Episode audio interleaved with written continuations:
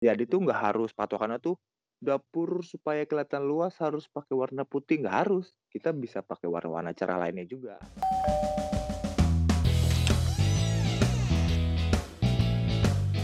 Halo kawan, balik lagi di podcast Mendekor. Bersama aku, Dea Ingrid, dan temanku. Barli, hai, balik lagi.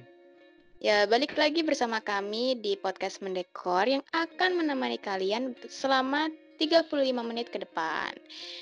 Ya kak, sebelumnya di podcast Mendekor kita udah ngupload dua episode ya. Yaitu di Hmm. episode pertama kita ngomongin rumah ideal menurut Islam. Di sana kita ngomongin bagaimana sih tips dan trik membangun rumah menurut is- menurut Islam. Dan di episode kedua kita membahas tentang Feng Shui, mitos atau fakta. Kita ngobrolin kebenaran tentang Feng Shui itu sendiri. Nah kali ini di episode ketiga kita akan ngomongin soal dapur nih kak. Bener, Yaitu bagaimana sih membuat dapur yang kecil menjadi luas. Mungkin dari kita semua ngerasain hal yang sama nih ya kak. Dapur Hmm. kita nih makin hari makin sempit aja kayaknya ya. Padahal rumahnya udah gede gitu. Tapi tetap aja ruang gerak kita tuh di dapur masih aja susah gitu ya kayak. Hmm. Jadi buat kalian-kalian yang mengalami masalah yang sama dengan kita, pantangin terus podcast kita selama 35 menit ke depan ya kawan. Nah ngomong-ngomong soal dapur, kakak sendiri nih pernah ke dapur nggak ya? Kabar ini? Wah pernah dong, jangan matang-matang aku cowok tuh aku nggak pernah ke dapur. Apalagi kalau WFA kayak gini tuh, aku jadi sering banget bolak-balik ke dapur ke dia. Dari mulai ngecek makanan, terus masak sendiri, ngecek makanan, masak sendiri, udah gitu-gitu aja kalau ke dapur. Jadi kegiatan WFH-nya selain ngerjain kerjaan kantor, jadi lebih rajin ke dapur ya kan? Eh, kalau misalnya nggak ada makanan, ya udah deh kita masak aja gitu kan. Ya. Eh, eh, berkreasi tentang masakan sendiri, ditambah lagi kan sekarang lagi ngetren banget tuh apa tuh eh, dalgona coffee ya bikinnya tuh gampang Oh, banget. Aku udah berapa kali bikin gitu kan. Ya tapi gitu rasanya beda-beda gitu. Udah berapa kali percobaan kak di dapur? Tiga, empat lah. Tapi aku Oh. bersyukur sih dengan adanya eh, kebijakan UEFA ini kita jadi sering-sering ke dapur dan sering ngecekin wah dapurnya kok kotor terus kita bersihin ah gitu coba kalau misalnya nggak UEFA kayak gini eh, kadang kita suka cek aja dapur kotor nggak apa-apa lah namanya juga dapur kan buat masak pasti kotor gitu Iya nih, sama kayak aku juga. Selama WFH, pasti yang dipikirin makanan, makanan, dan makanan mulu. Soalnya apalagi yang dikerjain ya, selain kita udah ngerjain kerjaan di kantor, terus kita ngapain lagi ya? Ya balik lagi ke dapur deh, kita merasa lapar, kita kreasi sendiri aja, apa aja yang ada di dapur kita masak gitu. Yang ada di kulkas gitu. Atau ngebenerin dekorasi dekorasi yang ada di dapur nih kalau misalnya ada yang kurang cocok kita bongkar lagi. Atau misalnya ada yang kurang kita bisa order nih apalagi di mendekor ya kan? Ya kayak di mendekor kan banyak banget nih aksesori dekorasi tentang dap apa mengenai dapur. Dari bahannya kayu sampai ke besi itu pasti ada ya kayak di mendekor. Hmm, alat-alat tadi juga kita tuh ada dari mulai apa ya eh, dari mulai spatula terus hmm, sendok kayu gitu buat masak-masak sayur tuh kayaknya tuh aduh seru banget. Lengkap banget ya dari yang kecil sampai yang ke gede-gede gitu ya ada di mendekor semua. Jadi buat kalian yang lagi ngedengerin podcast kita ini sambil ngedengerin cobalah cek di website mendekor kita ya atau di marketplace lainnya. Tinggal cari aja nih uh, apa aja nih aksesoris dekorasi buat dapur yang cocok buat dapur kalian gitu ya. Paham. jadi nih uh, kabar ini cukup ngerti ya uh, teman-teman ya soal dapur. Jadi pastinya bakal nyambung nih soal ngomongin dapur ya. Hmm, jangan mentang-mentang aku cowok aku nggak ngerti soal dapur nih. Intinya ya kan, pasti harus ngerti ya, ngerti soal dapur. Ya, eh, pengertian dapur menurut umum sih sebenarnya dapur adalah tempat kita melakukan aktivitas seperti memasak, mencu eh mencuci piring, atau menyimpan perabotan alat masak kita ya kayak di dapur itu. Mm-mm. Tapi eh, kebanyakan nih dapur yang ada di Indonesia sendiri nih leb- eh, lahannya tuh sangat kecil ya kayak dan apalagi dapurnya letaknya kan pasti di belakang ya nggak Oh. mungkin ada di depan ya kan Mhm. Soalnya tuh biasanya kalau di rumah-rumah di Indonesia itu kan, eee, dapur itu kayak, eee, ini ya, apa, ruangan yang lebih kecil lah dibanding ruang keluarga atau, eee, ruang tamu, pasti itu lebih kecil, heeh. Iya. Padahal kan banyak banget ya aktivitas yang bisa kita lakuin di dapur kayak tadi mah kayak makan, nyuci ataupun memasak buat kebutuhan kita sendiri, keluarga ataupun tamu yang datang ke rumah kita. Iya. Jadi bu jadi buat kalian yang menghadapi masalah seperti ini cocok banget nih sama episode podcast mendekor kali ini membahas bagaimana membuat dapur kecil menjadi lebih luas. Jadi Dengerin terus ya kawan-kawan selama 35 menit ke depan. Ya kawan, kita masuk ke segmen isi pembahasan bagaimana cara membuat dapur kecil menjadi luas. Punya dapur yang sangat luas itu merupakan impian semua orang, termasuk aku. Dan Kabarli juga pengen kan pastinya? Iya dong pastinya. Dan apalagi dilengkapi dengan peralatan masak yang sangat lengkap. Tapi jika kita memiliki rumah yang minimalis dan gak cukup ruang, kita tetap bisa loh mengakalinya kawan. Tempat ini bisa disiasati supaya jadi tempat mengasyikan dalam kegiatan memasak atau lainnya. Perabotan yang dipakai dan alat masak yang dipilih jadi kunci menata dapur di ruangan yang terbatas. Dapur kecil emang bisa bikin ruangan gerak kita terbatas kawan. Tapi jangan frustasi dulu, cuma karena ukurannya yang mungil, jadi kita nggak bisa leluasa buat memasak gitu sebenarnya tuh banyak cara buat ngakalin dapur kamu nih yang kecil supaya kelihatan lebih luas dan pastinya nyaman juga. Kamu pun nantinya bakalan lebih ngerasa leluasa meracik makanan, uh, terus juga bisa bikin ide-ide kreasi masak yang baru gitu kan. Hmm. Aku tuh di sini mau ngasih triknya nih supaya dapur kecil kamu pengen kelihatan luas gitu. Jadi masuk ke poin pertama jadi di poin pertama itu ada serba putih. Ini emang faktanya mau ruangan apa pun, mau kamar, ruang tamu, kamar mandi, terus ruang keluarga, kalau kita warna putih, pasti ruangan yang kecil itu jadi kelihatan luas kan dia. Oh gitu. Iya, jadi itu nggak cuma ruangan ini aja, kamar yang tadi aku sebutin tuh nggak nggak cuma ruangan itu doang, dapur pun kalau kita pakai warna putih tetap bisa bikin kelihatan lebih luas. Terus kalau kita mau mengaplikasikan warna putih di dinding dapur uh, ini tuh bisa meningkatkan kesan apa ya hmm, nggak hmm, bikin sumpek gitu kalau misalnya kita ngelihat dapur yang warna putih walaupun dapur kecil tuh aku percaya banget nggak bikin sumpek sih kak Dea. Oke. Terus juga kalau misalnya misalnya kalian udah aplikasiin warna putih di dapur, tapi kelihatan kok uh, polos banget ya, aku monoton banget ya. Uh, kawan juga bisa kasih warna yang lain nih selain putih tuh bisa misal mau pakai warna coklat atau warna hijau juga bagus jadi itu supaya nggak monoton gitu soalnya tuh apa ya aku tuh percaya uh, uh, mood kita masak itu tuh tergantung suasana kita masak juga kayak misalnya uh, kita masak misalnya di ruangan yang nggak mumpuni gitu kan pasti masakan jadi kayak kurang bagus gitu atau kurang enak lah gitu. Terus dari perasaan kita sendiri misalnya kita nggak nyaman masak atau kita lagi galau terus kita masak ya paling juga makanannya nggak enak. Ah kak Barli ini expert banget nih soal dapur kayak ini. Iya betul juga sih kak ya kalau jadi nggak cuma meja kerja atau kamar doang ya yang perlu membangkit mood kita ya Ya, tapi di dapur pun juga penting ya ternyata. Nah, tadi kan kak kabarnya bilang ya harus warnanya cat putih. Tapi kan memasak itu ada kegiatan kayak percikan minyak goreng atau sambal tumpah. Itu gimana kak ngakalinya kalau kotor gitu kan sayang banget tuh warna putih bersih gitu. Sebenarnya tuh kalau ngomongin ini tuh uh, ini tuh ngomongin ini bukan teori dalam interior ya.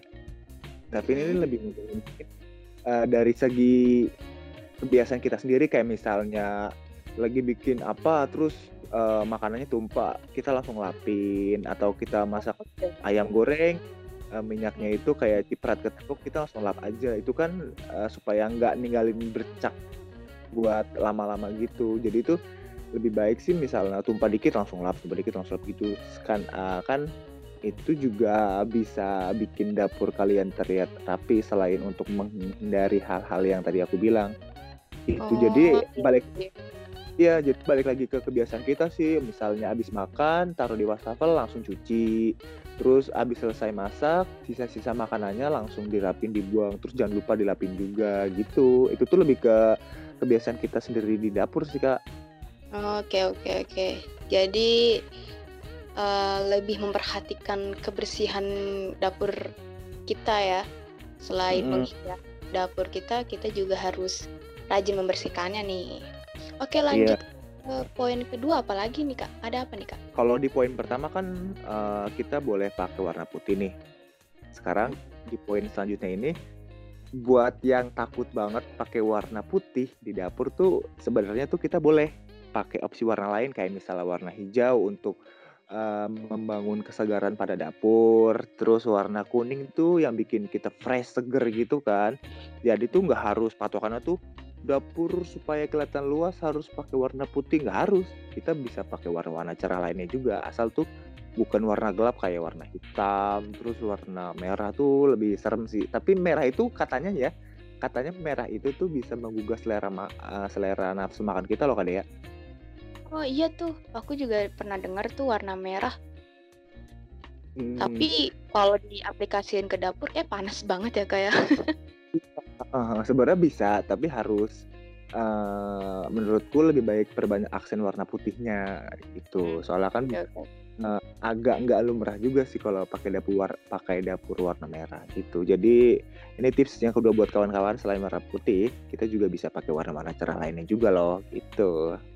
Oh iya Kak, sebelum ke poin selanjutnya, aku jadi inget nih yang pas ulas ruangnya ada tuh salah satu rumah Ibu Via yang kita Oh rumah Oh iya iya iya iya. Nah, dapurnya tuh warna kuning yang tadi Kakak bilang tuh. Warna kuning kan Oh. membantu memang kita, kita biar ceria ya.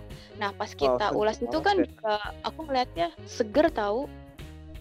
Seger Iya. banget ngeliat dapurnya warna kuning, ada aksen warna oranye juga. Jadi lebih ceria aja gitu, lebih semangat deh kayaknya masak-masak gitu. Iya benar. Kan tadi balik lagi nih yang tadi aku udah bilang.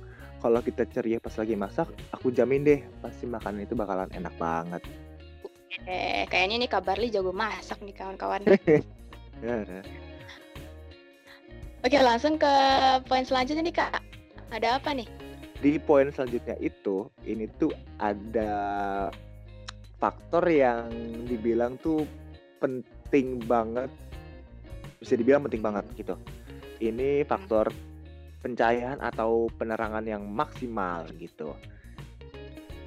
Jadi tuh gini, kalau misalnya kita minimnya dapur, eh minimnya pencahayaan itu di dapur kan kayaknya agak gimana gitu kalau misalnya kita masak gelap-gelapan kita mau masukin ayam go- goreng eh ternyata malah masukinnya ikan gitu kan lucu gitu. Makanya tuh cahayaan di dapur tuh harus eh, maksimal. Apalagi kalau misalnya dapur kamu terlihat sempit kan ya cara paling efisien untuk bikin dapur kamu nggak kelihatan sempit itu ya cahayanya itu harus maksimal gitu.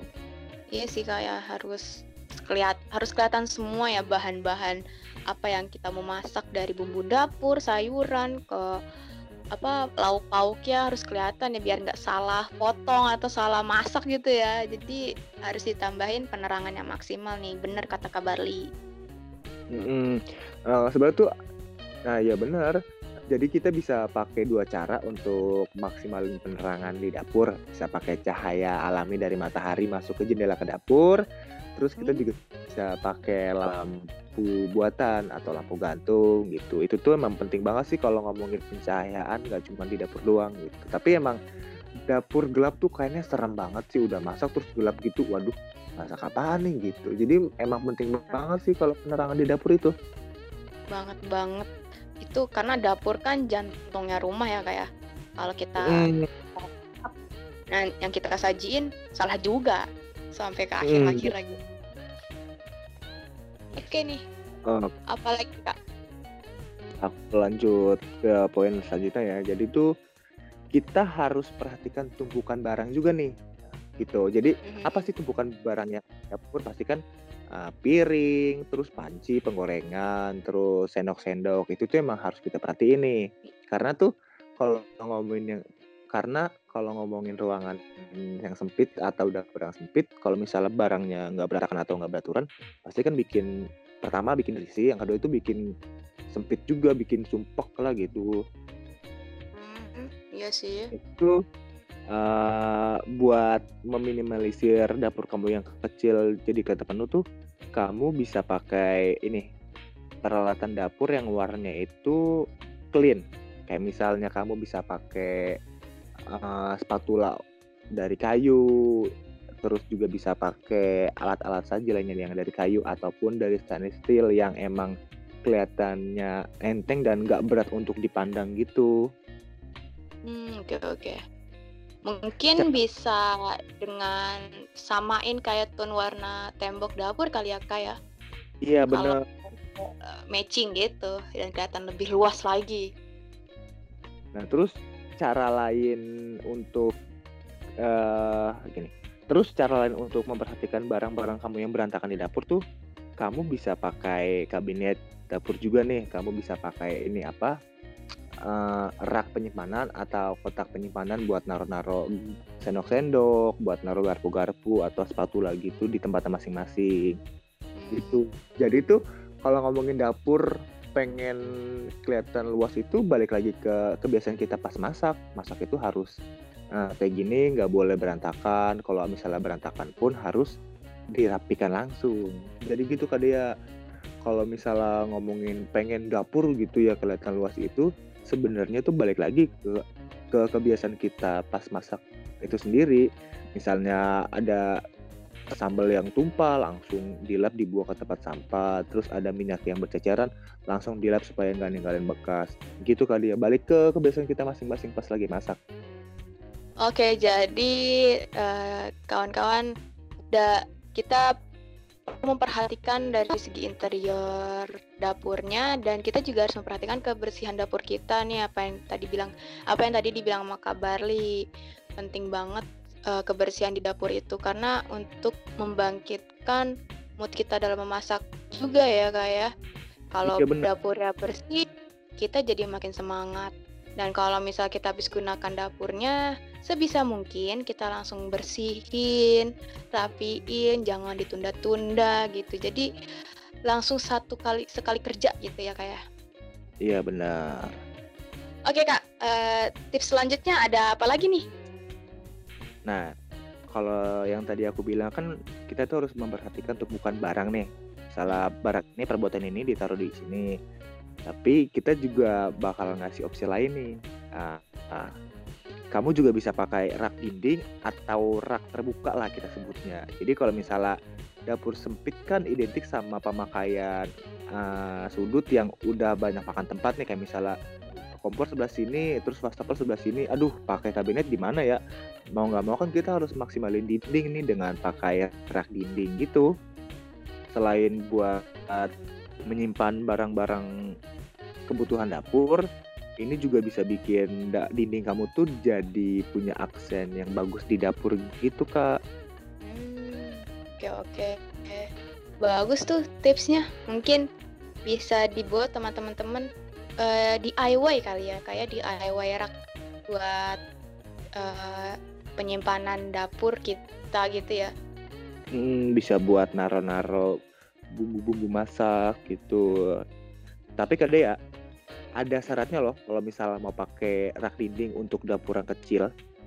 Hmm, jadi tuh syaratnya iya syaratnya tuh gini. Jangan pakai rak dinding yang lebar banget gitu yang panjang gitu uh, dengan upaya tuh biar bisa naruh banyak barang gitu. Sebenarnya jangan, tetap harus oh. perhatiin uh, iya, tetap harus perhatiin ukurannya juga jangan yang terlalu lebar gitu. Misalnya tuh dapur kamu ukurannya 2 meteran segitu misalnya kan.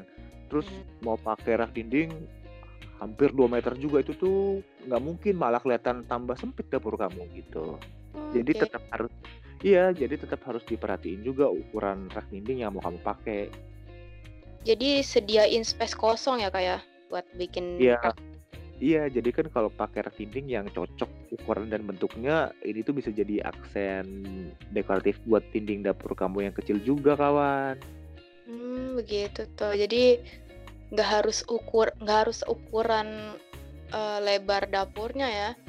Bisa diukur sesuai sama barang yang mau kita taruh kali ya, kayak.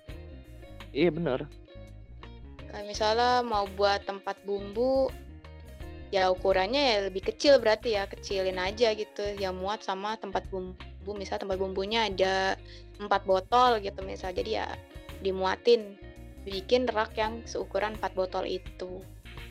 Di poin ini kita bakal ngomongin soal spesifik ke dapur sendiri nih. Kita tuh harus bisa maksimalin tiap sudutnya gitu.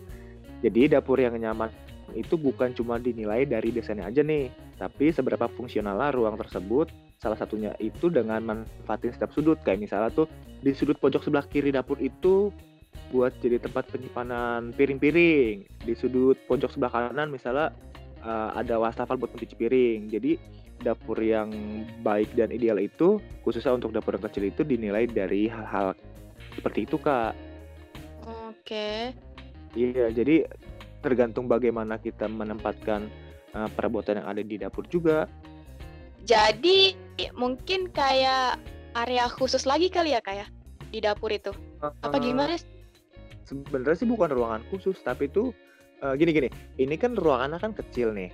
Uh, hmm? Berarti kan kita harus bisa manfaatin tiap sudut yang ada nih. Kayak tadi aku bilang, misalnya di dapur, eh di sudut sebelah sini harus diisi perabotan ini sebelah sini harus di sebutan ini. Jadi itu tuh sebagai cara kita untuk manfaatin tiap sudut yang ada di dapur yang kecil gitu. Jadi nggak bisa sembarang juga sih soalnya niatnya mau bikin dapur kecil kelihatan luas malah jadi kok jadi kelihatan tambah sempit ya gitu. Oh, jadi ngakalinnya kita mainin ke sudut tiap sudut dap tiap sudut dapur kita ya. Jadi uh, uh, area buat kita bergerak luasa ya ya kayak Iya bener. Uh, terus juga perhatiin juga misalnya uh, bagian untuk memasak kompor tuh di pojok sebelah kiri. Terus tempat cuci piring kan nggak mungkin di pojok sebelah kanan banget tuh. Kita niatnya mau cuci piring cepet gitu malah jauh banget. Gara-gara kebanyakan oh, iya. gitu kan ya harus diperhatiin juga. Oh jadi harus diperhatikan akses kita mengambil barang satu ke barang lainnya gitu. Jadi yep. kalian kawan bisa melihat sendiri deh dapur kalian tuh kayak gimana ukurannya dan kira-kira gimana nih mobilitas kalian dalam mengatur uh, kegiatan memasak kalian di dapur ya. Iya kak dia, jadi kalau ngomongin masak tuh um, ini banget sih maksudnya hmm, bertepatan sama waktu banget gitu. Misalnya kita kebanyakan mundur mandirnya, lagi goreng misalnya ayam goreng gitu kan, ya gosong gara-gara kesibukan nyari ini tadi sepatu lo ditaruh di mana ya terus aduh tadi minyaknya ditaruh di mana gitu jadi yang tadi Kak Dea bilang soal mobilitas pas lagi masak itu penting banget kawan kalau tadi kan kita udah bahas nih gimana cara bikin dapur yang kecil supaya kelihatan luas salah satunya itu ada uh, pakai warna cerah atau pakai warna putih terus hmm. penerangan juga harus kita perhatiin juga terus Sima. Mm, pencahayaan tuh harus diperhatiin juga harus maksimal juga. Pokoknya tuh poin-poin yang tadi kita bahas itu uh, faktanya emang sering kita temuin di dapur yang kecil gitu. Tapi ini aku bakal ngasih tahu cara uh, tapi aku bakal ngasih tahu juga nih Kak Kita bakal bahas juga hal hal-hal yang harus dihindari untuk bikin dapur kecil kamu jadi kelihatan luas gitu. Masuk ke poin pertama ya. Oke. Okay.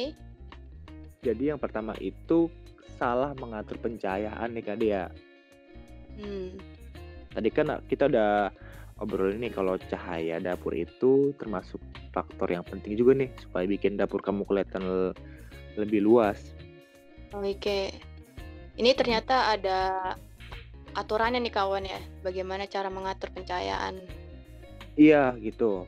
Uh, jadi itu kalau trik paling gampang itu adalah uh, penempatan posisi lampu pada dapur gitu. Misalnya nih gini, uh, aku sama Kak Dea sama kawan yang lagi dengerin, buat deh kita bayangin. Misalnya kita lagi masak di dapur nih.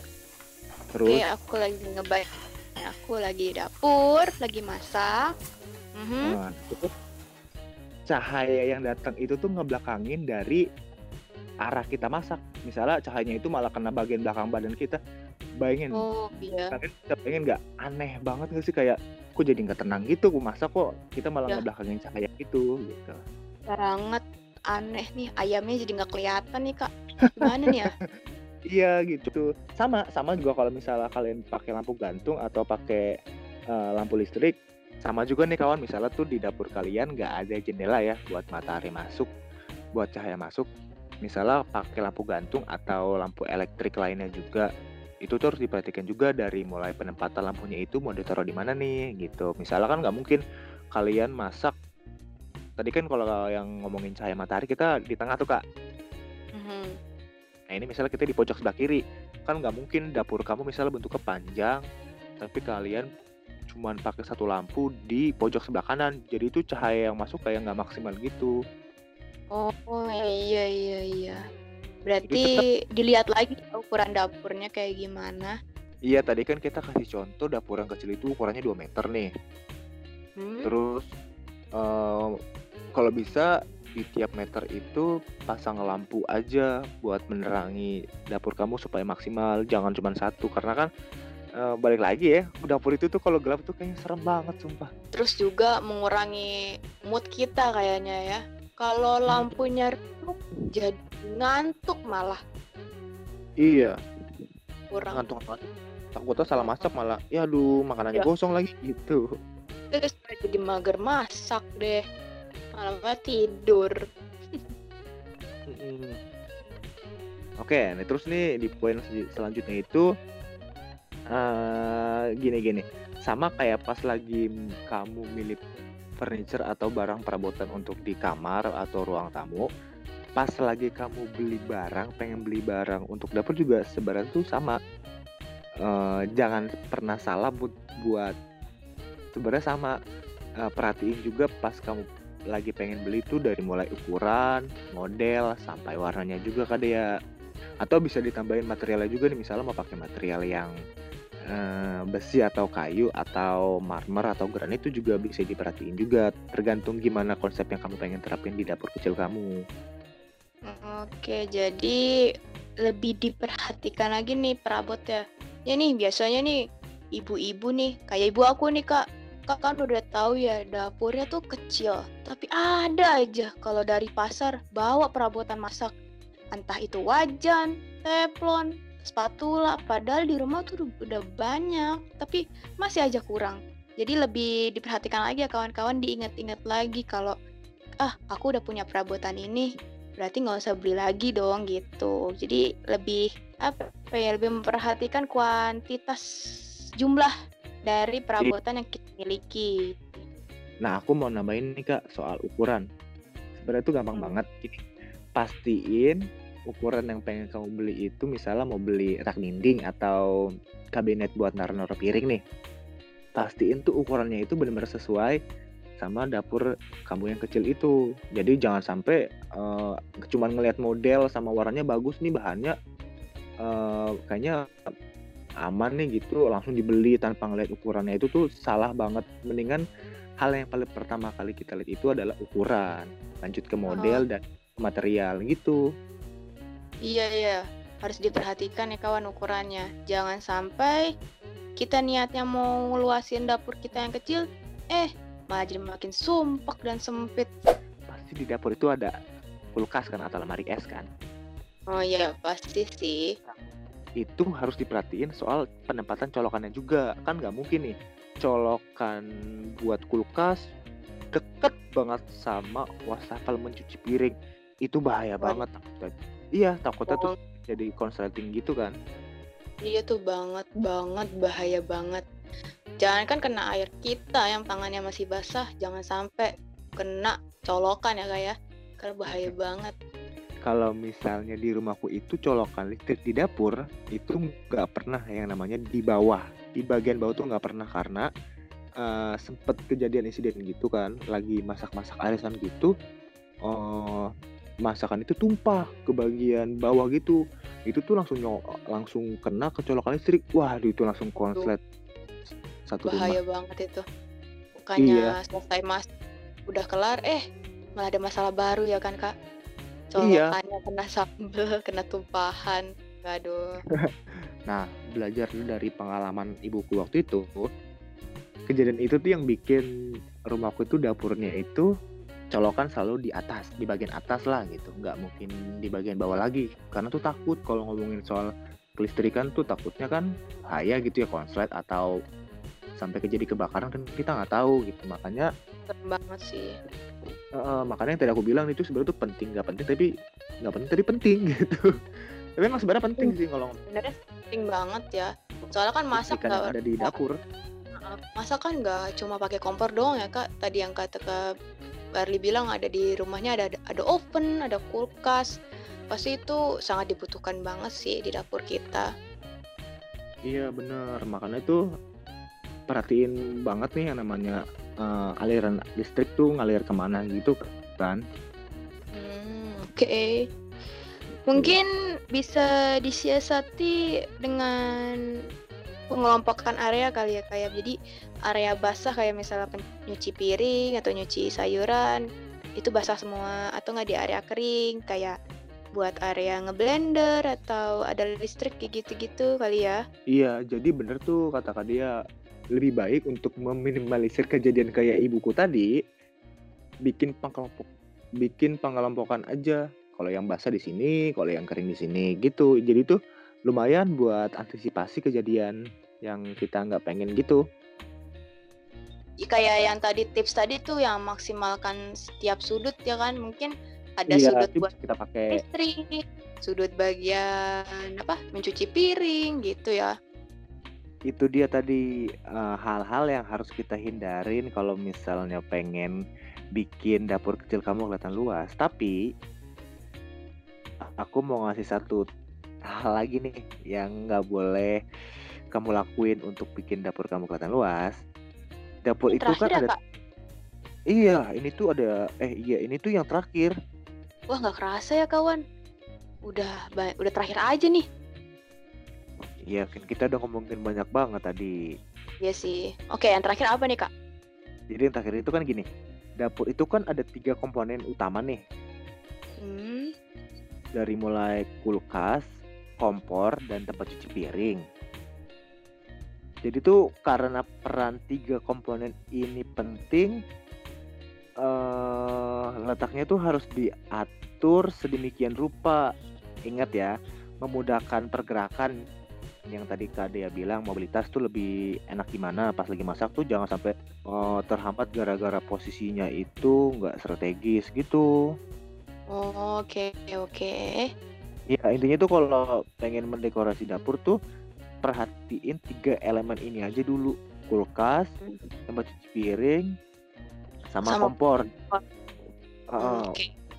Jadi tuh poin yang terakhir yang harus banget dihindari nih. Eh, jangan sampai eh, naruh piring, eh naruh tempat cuci piring di sebelah sini, kulkas di eh, di pojok sebelah sini, kompor sebelah sini itu tuh malah jadi repot pas lagi masak gitu kan. Jadi mungkin ada area khusus kali ya, ada space. Jadi ada space buat kita bergerak, ada space juga. Jadi ada space buat kita bergerak menuju ke kulkas dan space bergerak kita menuju ke cucian piring dan space kita untuk bergerak ke kompor. Jadi antara listrik dengan air tuh jangan sampai satu tempat ataupun berdekatan gitu ya. Iya, karena itu tuh bahaya banget ke dia. Kesimpulannya itu adalah sebenarnya itu nggak susah bikin dapur yang kecil jadi kelihatan luas. Eh, pinter-pinternya kita aja sih kak mensiasati tiap sudut, tiap barang yang kita pakai atau perabotan yang kita pakai gitu supaya eh, tata letaknya itu rapi, terus malah nggak eh, supaya nggak bikin sumpek gitu. Intinya sih itu, saking gampangnya itu.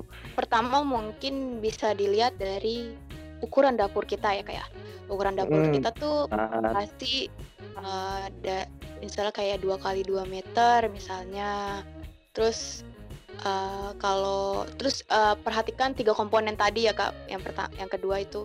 Kayak komponen Ya. tadi kulkas bagian kompor sama cucian piring. Itu harus Iya. diatur sedemikian rupa. Nah terus habis itu setelah kita ngom- eh, nguk- apa, ngukur dapur kita tiga komponen tadi baru kita mungkin bikin rak-rak ya. Rak-rak dinding.